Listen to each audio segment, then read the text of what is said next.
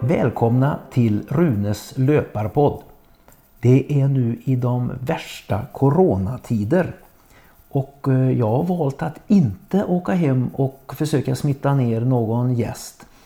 Och jag ligger ju själv i den undre riskzonen för jag fyller ju snart eh, 64 år. Och då vet man inte vad som kan hända med en gammal man som får ett virus på sig.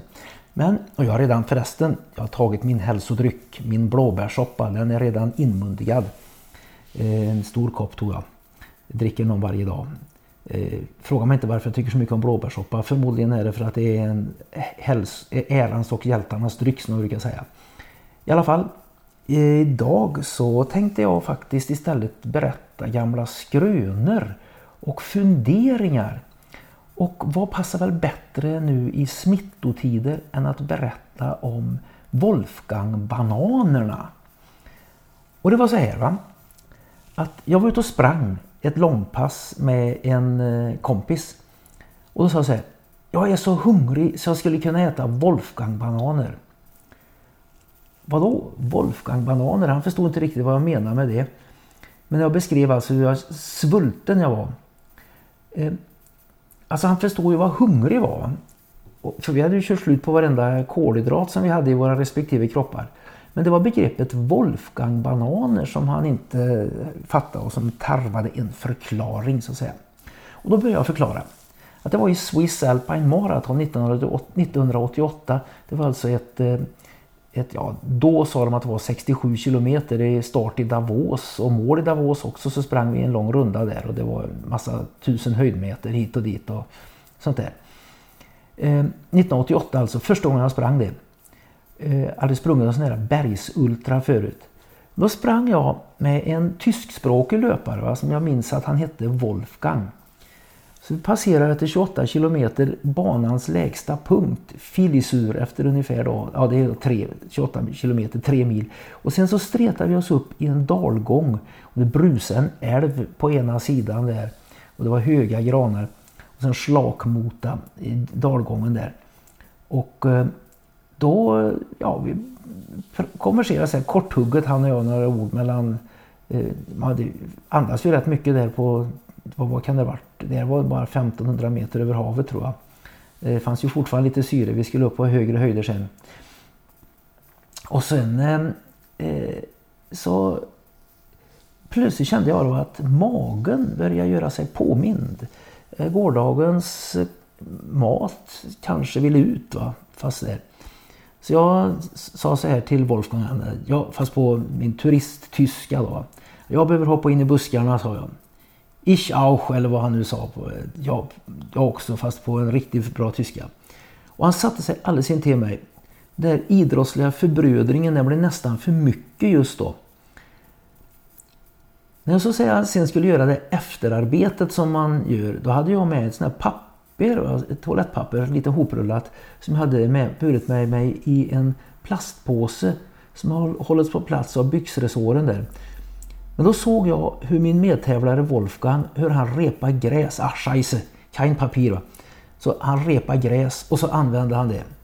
Han blev klar före mig, jag gjorde lite mer grundligt jobb och så sprang jag med och kom ikapp honom så jag låg steget efter honom när vi kom in till en riktig kontroll där. Då hade de ju all möjlig käk och grejer. Va? Och det står en stor skål med bananer skalade och fina som de hade skurit upp i bitar som bara var 5 cm eller vad de kunde varit.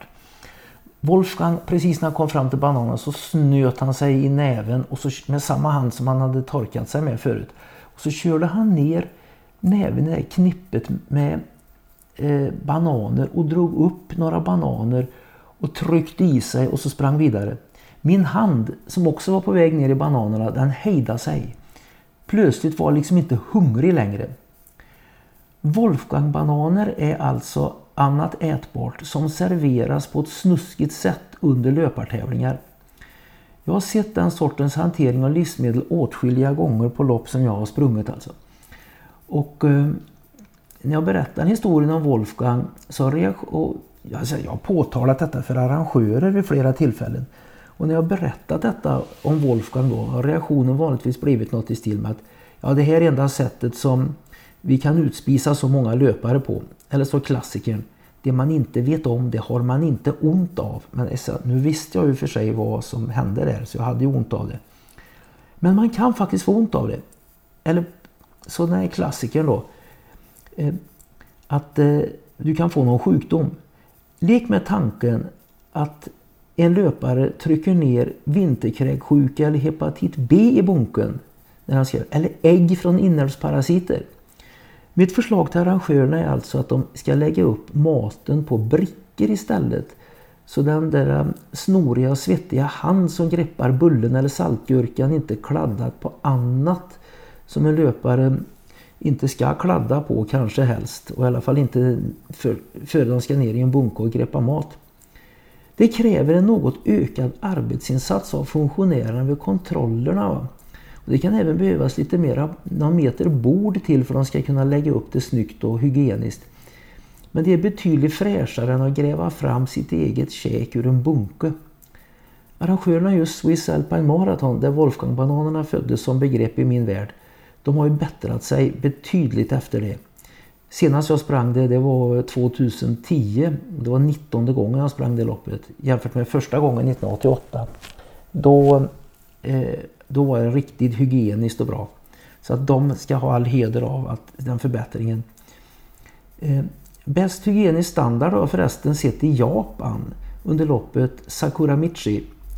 Det är ett 250 km lopp mellan Nagoya och Kanazawa tvärs över en Honshu. Så 25 mil.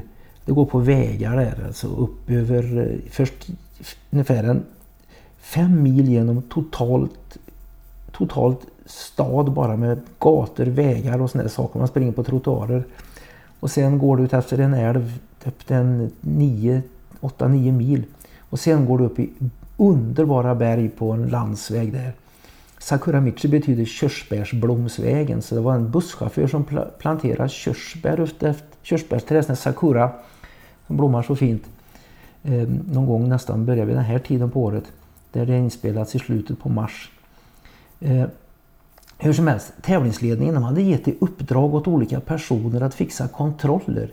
Men de hade inte specificerat hur en sån kontroll skulle se ut och vad som skulle finnas på kontroller. Vissa matkontroller var kulinariska mästerverk. Tänkte jag streta fram på en väg genom nattmörkret och så uppe bland bergen där.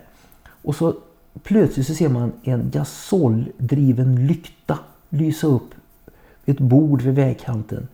Och då fick det alltid, började det alltid pirra till i maggropen. Undrar vad de bjuder på. Finns det överhuvudtaget vatten? Det fanns alltså kontroller där det inte fanns vatten utan man sa miso, miso betyder vatten på japanska. Nej, no, det hade det inte om vatten. Men de hade alla möjliga läskedrycker och juicer och allt möjligt. Vatten, det var liksom för torftigt tyckte de att bjuda på. Eh, fast det kanske var det. På, e- alltså, det kunde finnas allt möjligt. På en kontroll där hade de en, en hel grillad öring. Och en kontroll där hade de havskräftor som låg som med klorna inåt i en ring alltså. Utav stjärtarna utåt. Man fick skala dem själv om man nu hade tid med det. Och vissa kontroller där bjöds det på sushi. Och tänk dig för en klumpig svensk första gången han i Japan aldrig ätit med pinnar på någon asiatisk restaurang. Och med händer som är stelfrusna i nattkylan för det var ju på hög höjd. Vi var uppe på även långt över tusen meter och det var ju eh, senvinter där uppe med snödrivor och grejer. Då var det en formidabel utmaning att bli mätt där med enbart med hjälp av ätpinnar. Och jag försökte och jag försökte och jag var hungrig. Och när jag gav upp kampen alltså mot bordskicket då la jag ifrån mig ena pinnen och så spetsade jag maten, sushin, på den andra. Då skrek funktionärerna och tog sig för pannan. Det lät som om de ville att jag skulle lämna landet så snart som möjligt. Förmodligen gav jag dem ett nytt lågvattenmärke då, precis som att Wolfgang gav mig Wolfgang-bananer eh, i mathantering nu. Eh, det, vem vet, de kanske pratar om Rune Sushi eller Lune Sushi som de kunde säga.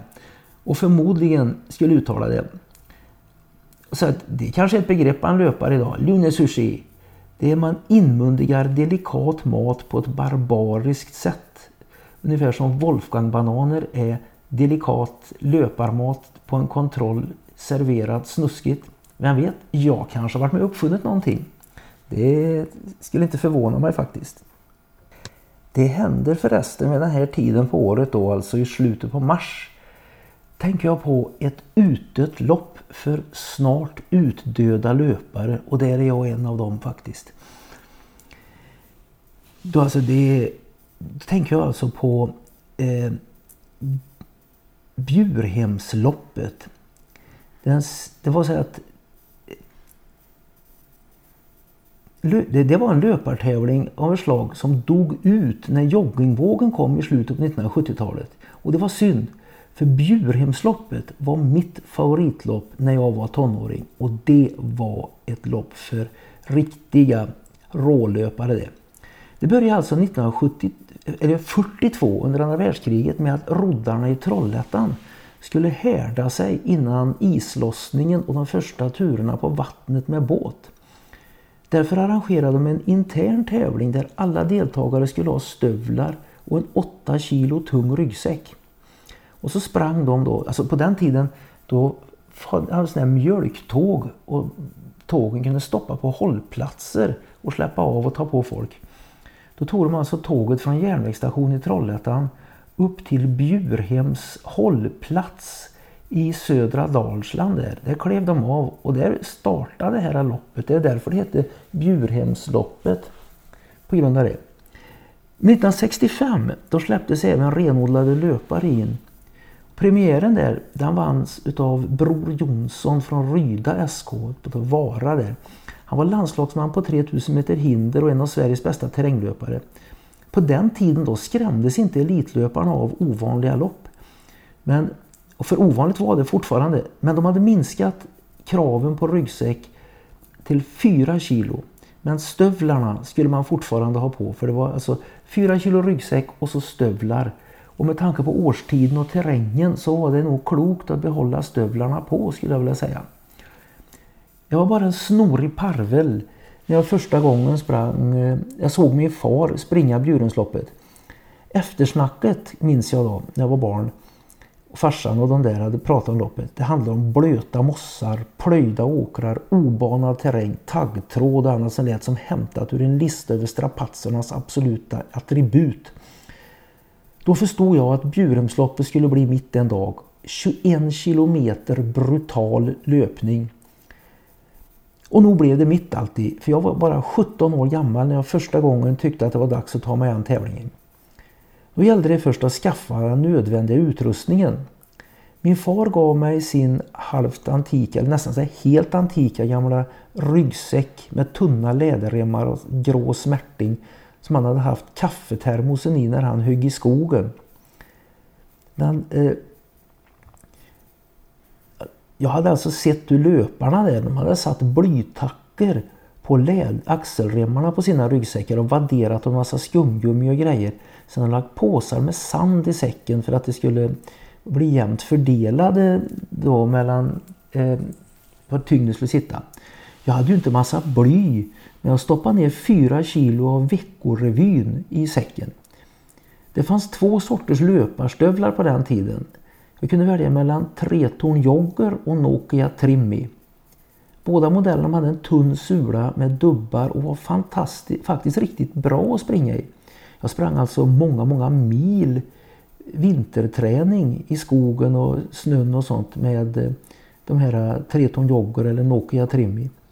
Alltså mitt första möte med Nokia det var alltså ett par gummistövlar. Visst är det fantastiskt? Alla löparna då när jag skulle med de samlas på torget i Trollhättan. Där väger säckarna in och så kördes vi buss. Tåget gick inte och stannade inte i Bjurhem längre. Men vi kördes till buss till Bjurhem i Dalsland. Och precis efter starten så klafsade vi rakt ut i en stor mosse.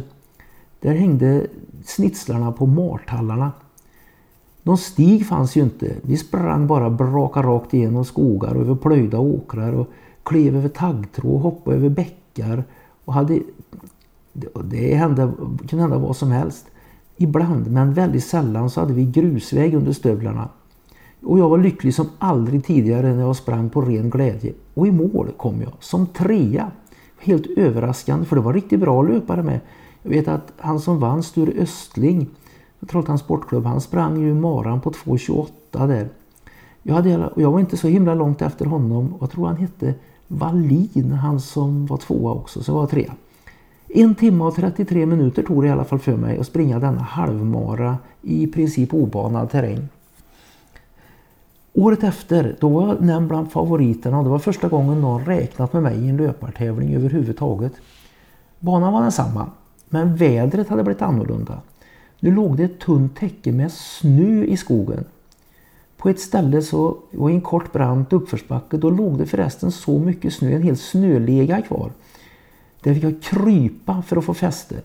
Efter mig kröp mina två värsta konkurrenter, min klubbkompis Kent Johansson och en av Bohusläns bästa löpare, Sven Sörqvist. Jag kämpade allt jag kunde för att springa ifrån dem alltså. Men det blev till slut en spurtstrid mellan Sörqvist och mig.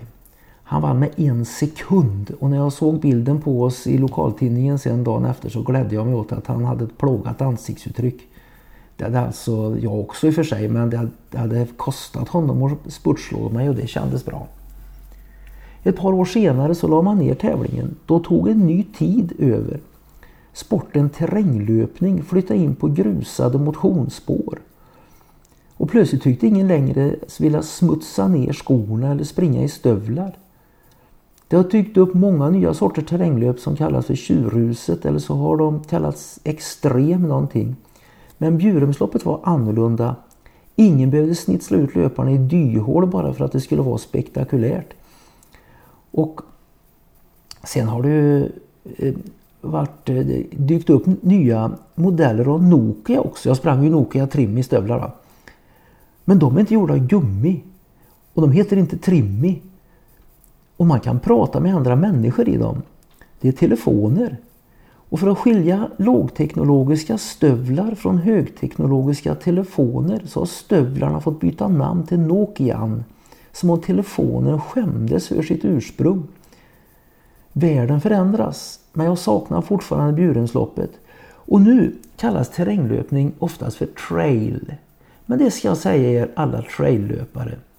Att i Bjurhemsloppet, där fanns det banne mig ingen trail överhuvudtaget. Där fanns däremot en himla terräng. Inte undra på att jag saknar Bjurhemsloppet. Eller kanske också jag saknar den kropp jag en gång hade. Ung och stark då jag kunde springa sådana lopp. När jag eh, sprang Bjurhemsloppet första gången. Och eh, ja, sen utvecklades ju jag som löpare och min karriär tog fart men väldigt, väldigt långsamt. Och jag har tänkt på hur jag skulle göra om jag fick uppgiften att hjälpa en ung löpare att förädla sin talang. Den uppgiften var lika intressant som skrämmande. För talangen har drömmar och målsättningar och jag blir då delvis ansvarig för att hjälpa honom eller henne att uppnå de där drömmarna och målsättningarna. Antag att löparen är 15 år gammal när vårt samarbete inleds. Då får han säga fråga. Kan du skriva ut ett träningsprogram åt mig? Det kan börja så. Och jag hade satt mig där och skrivit ett program som så, kunde satt mig där och skrivit som alla andra var. Med så kallade kvalitetspass på tisdag och torsdag och längre pass på söndag och såna här saker. Och kanske briljerat lite med hur otroligt progressiv jag var. Lägga in lite alternativträning också. Det är fina grejer om man vill eh, lägga in lite placeboeffekt. Men träningsprogram de tenderar att bli väldigt lika oavsett vem som skriver dem. Jag har en annan idé för hur man långsiktigt utvecklar en ung löpares potential.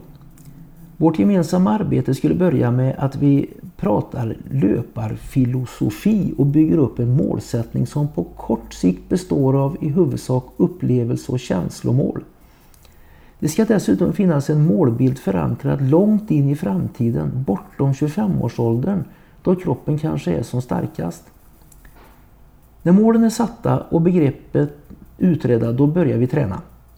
Basen det utgörs av lugn distanslöpning som löparen förhoppningsvis lär sig älska. Kanske genom att utveckla förmågan att se det vackra i naturen och i bygden där rundorna ska gå fram. Inslagen av löpträning i hög fart kommer till en början vara ganska sparsamt förekommande.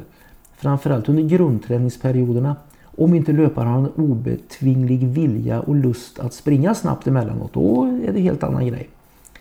Tävla kommer däremot min adapt att få göra så ofta tillfälle ges på alla möjliga distanser från 800 meter till maraton. Det skapas hårdhet.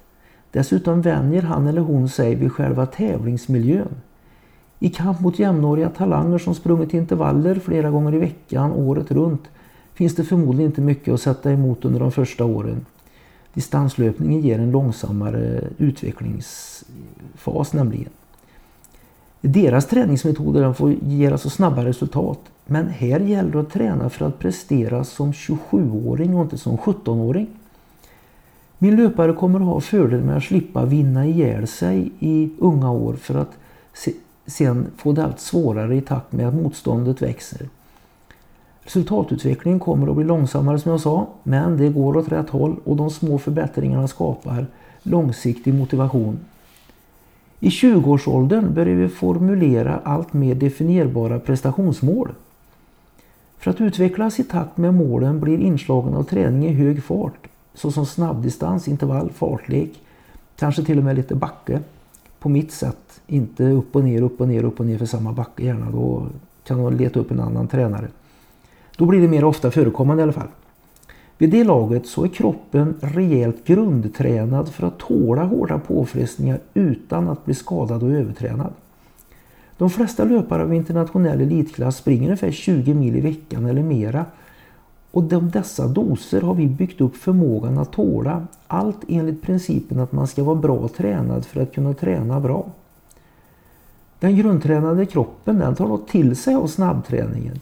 Resultaten börjar komma och med dem även ökad tävlingslust skulle jag kunna tänka mig. För att nu blir man ju bättre och bättre och då kan vi jämföra det med den där som var stjärna i tonåren som möter motstånd och inte vinner hela tiden som de förr gjorde utan blir frånsprungen. Hur som helst förmågan att kontrollera när man slår sina formtoppar, det som ibland förknippar med att vara bäst när det gäller, den ökar väsentligt när högfartsträningen är byggd på en solid grund av distansträning. Låter det som en vansinnig idé att försöka förädla en löpartalang genom att bygga upp uthålligheten först? Ta då en titt på verkligheten och se hur många talanger som blommar ut med bygg upp snabbheten först-metoden. Det sa man ju alltid till mig när jag skulle, man skulle försöka, alla utom min far, han lät mig hållas med alla andra. Du ska bygga upp snabbheten först. Du ska inte ge dig ut och springa milbanan bara för att du tycker det är roligt. Du ska köra snabbhet. Usch, jag mår illa när jag tänker på det. Alltså skador, tappad lust och förlorad motivation de skördar en oförsvarligt stor mängd offer bland unga talanger i svensk löpning. Och säger någon så här att det är så mycket annat som lockar när de kommer upp i den åldern. Och det betyder att träningen inte var tillräckligt rolig. Vilken tränare tar ansvaret för det? Att träningen inte var rolig? Jag skulle också få ta ansvar om min adapt skulle inte når sina mål. Men för all del, eftersom vi skulle sträva efter att löpningen ska vara så rolig som möjligt så kunde vi inte kalla det för ett misslyckande om alla de där tusentals milen löpning som de då har bakom sig har varit roliga. Och att, lö, att alltså, löpningen har optimerat talangen genom att berika livet mera än vad löpning har begränsat livet. Jag hoppas ofta att någon skulle våga träna efter de principerna men jag har tyvärr slutat våga ta mig an adepter som tränare. Därför att under grundträningsperioden så kommer garanterat någon att säga så här till min adept. Du, du blir ju långsam av att bara springa så. Men jag ska lära dig att springa intervall. Jag ska lära dig att bli snabb. Och då börjar adepten tvivla. Och så plötsligt börjar adepten träna en himla massa intervall blandat med den övriga grundträningen. Och sen reagerar de inte fullt ut på förändringen i träning när vi verkligen slänger in intervall och fartlek och backa och såna där, snabbdistans och såna grejer.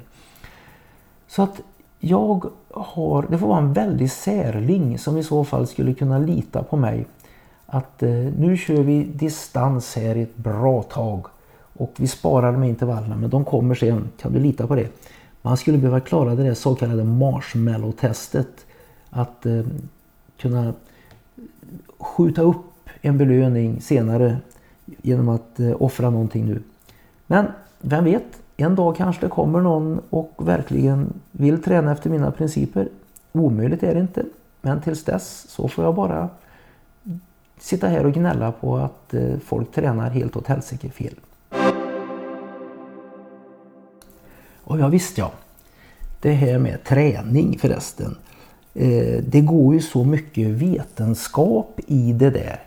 Och vetenskapliga råd, det tycks ingå i ett evigt kretslopp. Jag vill kalla det för den e, vetenskapliga sanningens eviga kretslopp. Nu ska jag citera. Löpare på alla distanser från sprint till ultra ska styrketräna med så tunga vikter som möjligt och köra bara några få repetitioner. Det ska vara på max explosivitet. Att hålla på med lätta vikter och många repetitioner ger ingen bra effekt. Föreläsaren som sa detta, det var en fysiolog till yrket och han backade upp sina påståenden med en serie powerpoint-bilder. Det fanns tabeller och referenser till ett par studier. Bevisen i tabellerna talar sitt tydliga språk men mitt eget kroppsspråk kan avslöja vad jag tänkte. Översatt till vanlig verbal kommunikation så hade mitt minspel och hastigt nedsänkta axlar låtit ungefär så här. Jaha, ännu en sanning, undrar hur länge den kommer att överleva. Genom åren så har jag flera gånger sett hur nya vetenskapliga rön om träningslära och om kost har dykt upp och kullkastat det vi för tillfället betraktar som fakta. En tid senare, det kan röra sig om månader, år eller i vissa fall hela decennier, presenteras en ny sanning som ställer det vi tidigare trott på på ända. I alla de här fallen har det vi trott på nu blivit avpoleterade versioner av sanningen som då övertagit den tidigare versionen av sanningen. Alltså den nya versionen har avpoliterat den gamla versionen. Så har det varit, hållit på hela tiden, så kommer något nytt. Jag har med åren blivit allt mer skeptisk till nya rön om kost och träning. Och det beror på att jag håller på att bli kronisk motvalls, eller förresten det har jag kanske alltid varit förresten, sen barnsben. Eller om jag sjunker ner i det där, det var i alla fall bättre förr och sen får forskarna säga vad de vill, syndromet jag har fått. Det vet jag inte, men jag tycker mig ha fog för det där larmklockan som ringer så fort en sanning ändras. Ett sådant exempel på en sanning som jag aldrig trodde på det var att man ska få i sig snabba kolhydrater, gärna tillsammans med protein så snart som möjligt efter ett träningspass. Drick och boj, då får du i dig både socker och protein, sa en kostexpert som föreläste för ett gäng idrottsmän. Jag gick fram till henne efter föreläsningen och ställde en fråga. Tror du detta med att vi ska få i oss socker efter träningspasset kommer att vara en sanning om 20 år? Så hon ärligt talat, nej det tror jag inte, sa hon. Så varför säger du det då? Därför att detta är vad vi vet idag. Det finns forskning som stöder mina påståenden men jag tror att det kommer nya rön och då är det som jag har sagt idag omodernt. Det var ett bra svar och jag berättade att jag kände respekt för hennes professionalitet men att jag för tillfället redan befinner mig i den där framtiden då vi uppmanas att vänta med näringsintag efter träningspasset tills vi duschat och lagat oss ett riktigt mål mat. I den framtiden tänker jag stanna kvar. Hon log och jag hoppades att hon inte tolkar mina undringar som att jag nedvärderar henne. Jag bara ifrågasätter den gällande sanningen. När jag var barn då fanns det en regel om man inte skulle bada inom 45 minuter efter man har ätit, om så bara en kanelbulle. Och för bara halvannan generation sedan så skulle kvinnor undvika att springa långt eftersom livmodern och annan reproduktiv infrastruktur kunde lossa och mer eller mindre falla ut. Och helt nyligen såg jag råd att löpare över 40 år bara ska träna varannan dag eftersom de med ålderns rätt fått sämre återhämtningsförmåga. Vissa av alla dessa gamla och nya sanningar kommer att hamna på humormuseum, tro mig. Andra kommer att ingå i sanningarnas eviga kretslopp och dyka upp och försvinna med jämna mellanrum. Ibland när jag ser ett nytt forskningsrön så tänker jag på en kollega jag hade när jag var lärare. Hasse hette han. Han var på väg att gå i pension och hade varit med ett bra tag i skolans värld alltså. Och när vi från högre ort fick nya direktiv för undervisningen så suckade han bara trött och så sa han Ja, ja, om vi bara går tillräckligt sakta kommer vi snart att vara först igen. På tal om eh, vetenskap och kost och sådana grejer som jag pratade. Jag var på en hälsomässa och där erbjöds jag att få mäta hur många procent fett min kropp bestod av. Detta var för något år sedan ska jag säga. Så jag ställde mig barfota på plattor och så släppte de ström genom mig. Ett instrument mätte vilket motstånd som eh, elektriciteten stötte på mellan minuspolen och pluspolen. Och en pappersremsa då smattrade ut ur skrivaren och så var processen klar. Fat to lose 1.3 kilo stod det. Är detta dryga kilo fett alltså min övervikt? Alltså något jag kan tappa? Att jag skulle vara ett enda gram överviktig hade aldrig slagit mig. Så började jag filosofera om detta med begreppet övervikt. Hur definierar man övervikt? Kan man verkligen mäta övervikt och vad handlar det alltså om? Och handlar det alltid om fett? Enligt en definition som jag kom fram till är övervikt den vikt som hindrar dig att leva det liv som du vill leva. Jag springer så ofta jag kommer åt och jag deltar i tävlingar. Ja, numera blir det väldigt sällan egentligen deltar. Tävlar gör jag inte längre. Eh, de där 1,3 kilona de stör mig egentligen inte det minsta. Det, det hindrar mig inte från att göra det jag vill göra och bromsar mig bara någon sekund per kilometer och utgör sannolikt ingen som helst hälsorisk. Och något som kan ha varit en slump så hittade jag medan jag funderade ut definitionen på begreppet övervikt en bild som togs när jag var 30 år gammal och släpade en kanot mellan två vattendrag. På den tiden sprang jag 20 mil i veckan. Medan jag vilade mellan löprundorna så brukade jag roa mig med att paddla kanot. Det kunde bli väldigt mycket. Det var 100 mil om året. Så det. Min definition av en lyckad dag kunde vara att jag paddlade en mil, gick i land, åt några smörgåsar, tog en löptur på några mil, kom tillbaka till kanoten och paddlade hemåt. Ett sånt träningspass kunde ta hela dagen. Jag var 183 cm lång, vägde 74 kg och hade minimalt med underhudsfett på den tiden. Vilket tydligt framgick av bilden alltså. Jag åt vad jag ville äta, hur ofta och hur mycket som helst. Men all energi i maten omvandlas till rörelse eller värme. Inget lagras som fett. Dock kunde jag kanske definieras som överviktig eftersom min passion för paddling hade förändrat kroppen. När jag var som snabbast på 10 000 meter och maraton vägde jag bara 68 kilo. Jag tror det berodde på att jag hade ätit så proteinfattig mat, alltså hela min uppväxt. Några hundra mil i kanoten sen och så då en massa proteinrik mat. Det var ju när jag kom till universitetet i San Diego där jag gick. Bodde ju på skolan där i tre år. Och åt en otrolig massa tonfisk och kyckling och biff och grejer som de serverade där. Det var att ta hur mycket man ville. Det satte sig väl kanske på fel ställen i kroppen. Där. Alltså några hundra mil, det hade alltså gjort mig tyngre och en aning långsammare på de distanser där det nästintill finns ett linjärt samband mellan syreupptagningsförmåga och prestation. 6 kilo muskler som ska bäras runt och som ska ha syresatt blod, det kan vara en övervikt för en löpare. Även om löparen i fråga inte har ett grams fett som eh, ligger där på, eh, i kroppen som eh, han kan göra sig av med. Samma somrar som den bilden togs när jag sprang mitt bästa, 20, sprang mitt bästa 24 timmarslopp, det var alltså 1986. Kroppen klarar av att springa oavbrutet ett helt dygn i genomsnittstempo av 5,30 på kilometern. Kanske hjälpte de där extra musklerna mig till att tåla påfrestningarna. Det jag förlorade i syreupptagning vann jag i stryktålighet. Hade min 68 kilo tunga kropp tålt ett helt dygns löpande i det tempot? Kanske att musklerna var övervikt på vissa distanser men inte på andra. Om övervikt definieras som den vikt som hindrar mig från att leva det liv jag vill leva och jag avhållit mig från att paddla kanot bara för att inte lägga på mig extra kilon. då hade min strävan efter att behålla en lägre vikt hindrat mig från något jag verkligen ville göra. Jag hade alltså vägt mindre men levt något begränsat liv. Den här extra vikten var en följd av att jag levde det liv jag ville leva. Vi tenderar ibland att glömma bort lyckan och livslusten när vi resonerar kring friskvård och hälsa. Att begränsa livet kan vara att minska lycka.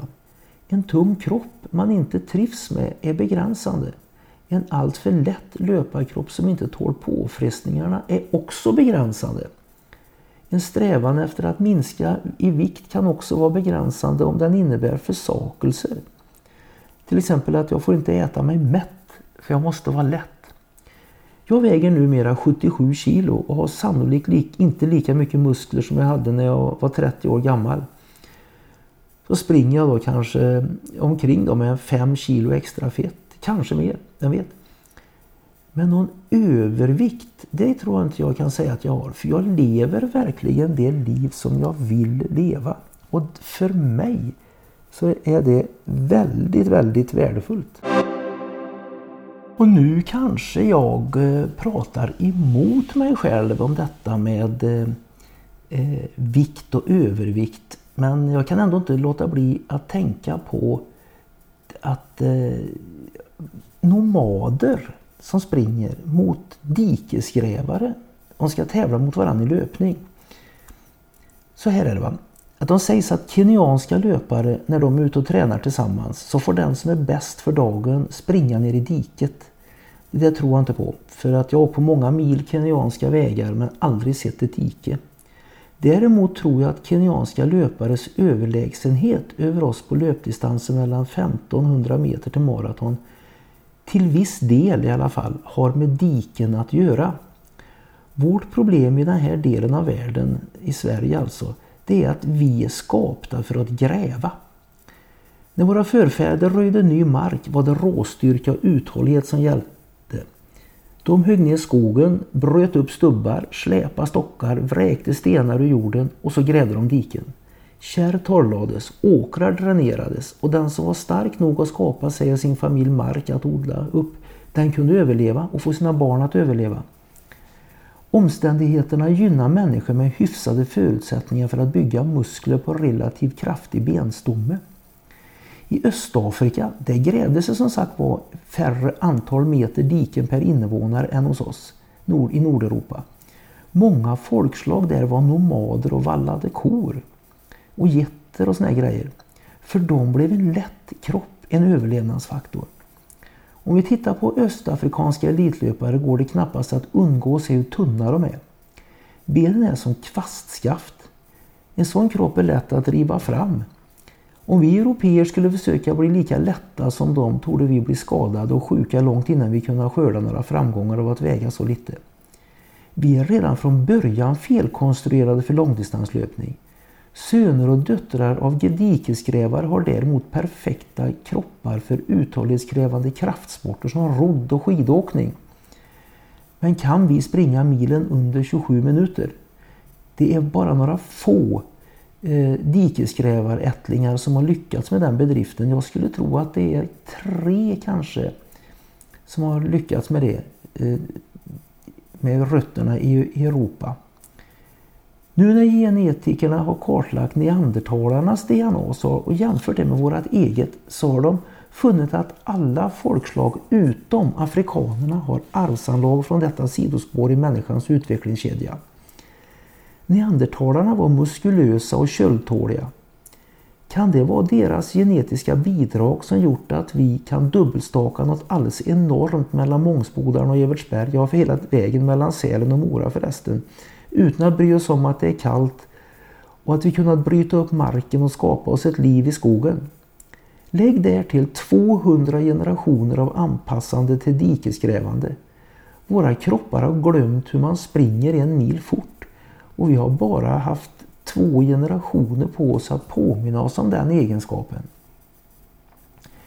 Räcker det som förklaring på européernas underlägsenhet gentemot östafrikanernas framgångar inom medel och långdistanslöpning kanske? Nej, sannolikt inte.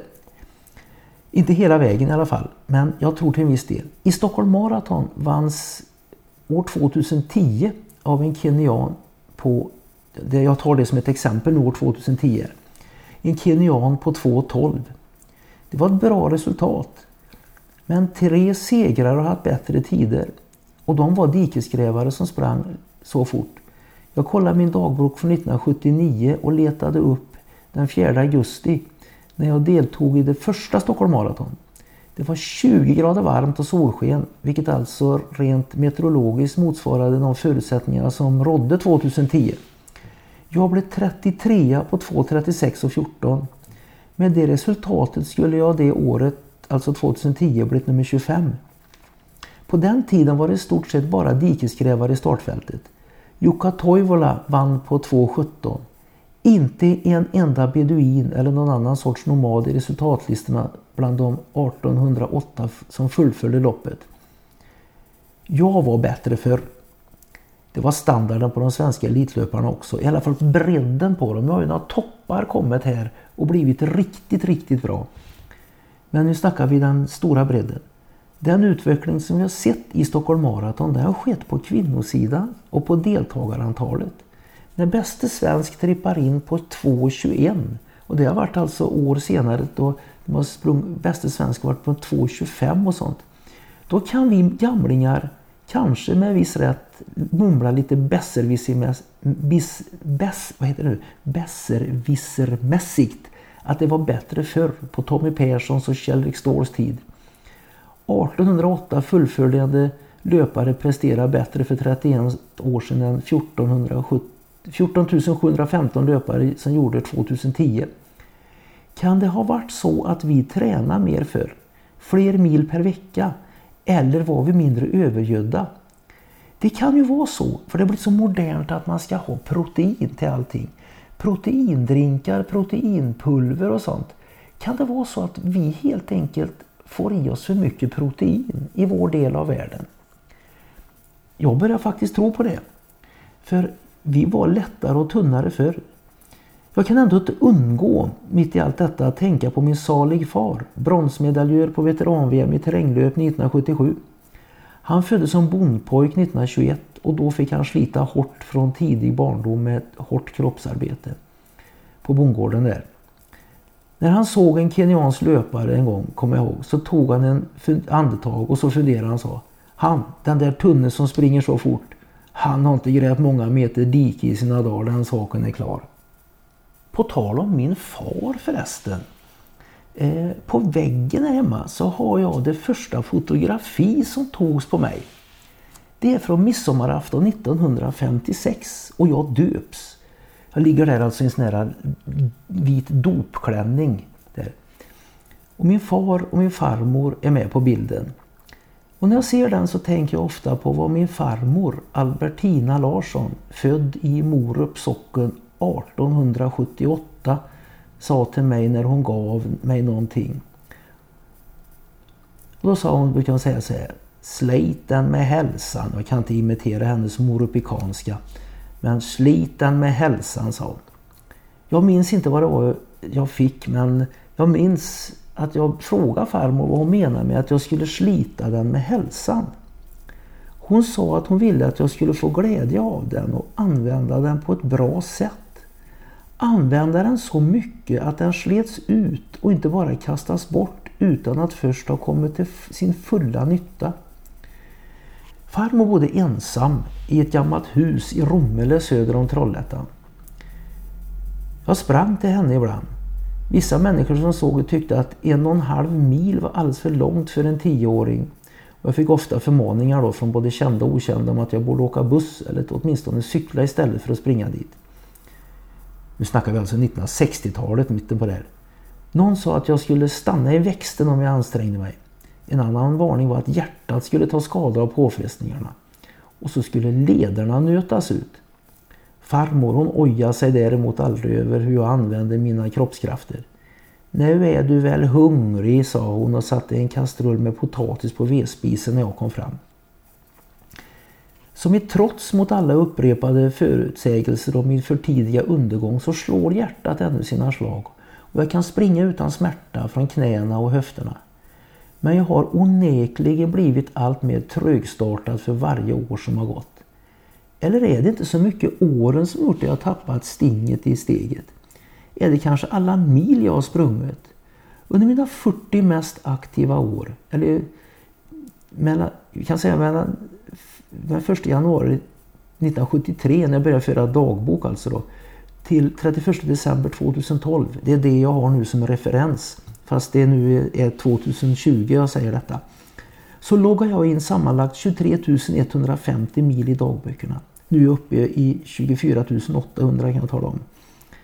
Det var en ansenlig sträcka som skulle räcka långt bortanför halvvägs till månen. Och så la jag ytterligare mil varje år till det. I min krafts dagar då kunde jag springa fort. Men nu skulle jag vara chanslös mot vissa andra veteraner. Som till exempel Leif Larsson. Som är lika gammal som jag. Hur jag än tränar. Leif och jag, Eh, vi är som sagt var jäm, eh, jämngamla. Och han satte personbästa på maraton eh, för ett antal år sedan då på 2.53.02. Då var han 57. Så då var alltså det två... När, när blir det nu? Ja, han var 57 i alla fall. Han ska, jag, jag är dålig på matte nu när jag ska sitta här och, och hitta på sådana här roliga skrönor. Det är alltså 2013. Hans karriär, han kom sent i livet. Han sprang ju inte, han var ju yrkesmusiker och for omkring där istället. Det var på gamla dagar han började träna. Han har inte, Leif har inte ackumulerat sina halvt astronomiska löpdistanser. Jag tror skillnaden mellan oss två är att han inte är sliten. Men det är jag. 1970, 80 och 90-talen var min tid som tävlingslöpare. Då var steget lätt och jag hade ofantligt roligt när jag sprang. Han har sin tid nu, Leif.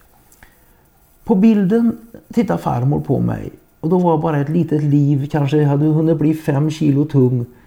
En, fått en sån kropp som inte vägde mer och hade ännu inte sprungit mitt första steg. Jag kan liksom ana hur hon då tittar på mig och så säger hon de där orden till mig. Slit den med hälsan. Och menat min kropp. Om hon kunnat se mig nu hade hon helt säkert tyckt att jag hade tagit hennes uppmaning på fullaste allvar. Själv så levde hon som hon lärde och födde 13 barn. Den sista dagen i sitt liv då arbetade hon hårt. Det var i juli 1967. Hon städade huset, rensade rabatter och pyntade farfars och en av sina söners gravar. När kvällen kom ringde hon till grannen och sa att hon inte mådde bra. Grannfrun kom över. Jag är så trött, sa farmor. Och så dog hon 89 år gammal, sliten med hälsan. Vilken grej! Det tror jag jag ska satsa på att försöka göra också. Hellre utsliten än sönderrostad i alla fall. Det här blir ju faktiskt en lite annorlunda Runes löparpodd och det tillskriver vi då det här covid-19 och coronaviruset där vi ska kanske hålla oss borta från varandra ett tag men försöka få livet att gå på som vanligt igen. Så kan vi snart kanske börja springa och vara med på löpartävlingar. Göteborgsvarvet är inställt. Eh, hur det går med storheter som Stockholm Marathon återstår väl att se. Eh, massa löpartävlingar kommer att bli helt förändrade i år. Och nu hörde jag på radion idag att eh, man kräver, Australien, Kanada och Polen har idag krävt att man ska flytta sommar-OS i Tokyo till 2021. Löpningen, idrotten, den eh, påverkas av det här eh, lilla viruset. Jag tänker då på, jag tror det heter Fantasia, den här eh, filmen som var hipp hippisarna de LSD-hippies, där, ehm, det är väl lite med Musse Pigg och det tecknar Disney då. Och det var en fight mellan två häxor. Och den ena häxan då förtrollar sig själv till ett monster och den andra förtrollar sig till ett ännu värre monster. Och så förtrollar sig den där första då till ett, ett ännu värre monster och ett ännu värre monster. Och plötsligt så var den ena häxan borta. Var är du? Var är du? Kom fram och slåss! Jag är inne i dig. Va? Inne i mig? Eh, jag, jag, är jätte, jätteliten. Jag är så liten så du kan inte se mig. Va? Va? Vad gör du där? Vad, vad gör du där? Jag är ett virus. Nu gör jag dig sjuk. Och så vann den här häxan som förtrollar sig till ett virus. Så det minsta vi kan se, vi kan tänka oss, det kan vara det också det som till slut stoppar oss. Så var rädda om er där ute. Lyssna vidare på mina gamla poddar. Ehm, jag kommer snart att dra igång Youtube-kanalen. Det kan man i alla fall göra ute i friska luften. Och eh, som sagt var, det är inte slut bara för att man inte kan tävla. Ut och spring, för där tror jag inte det smittar.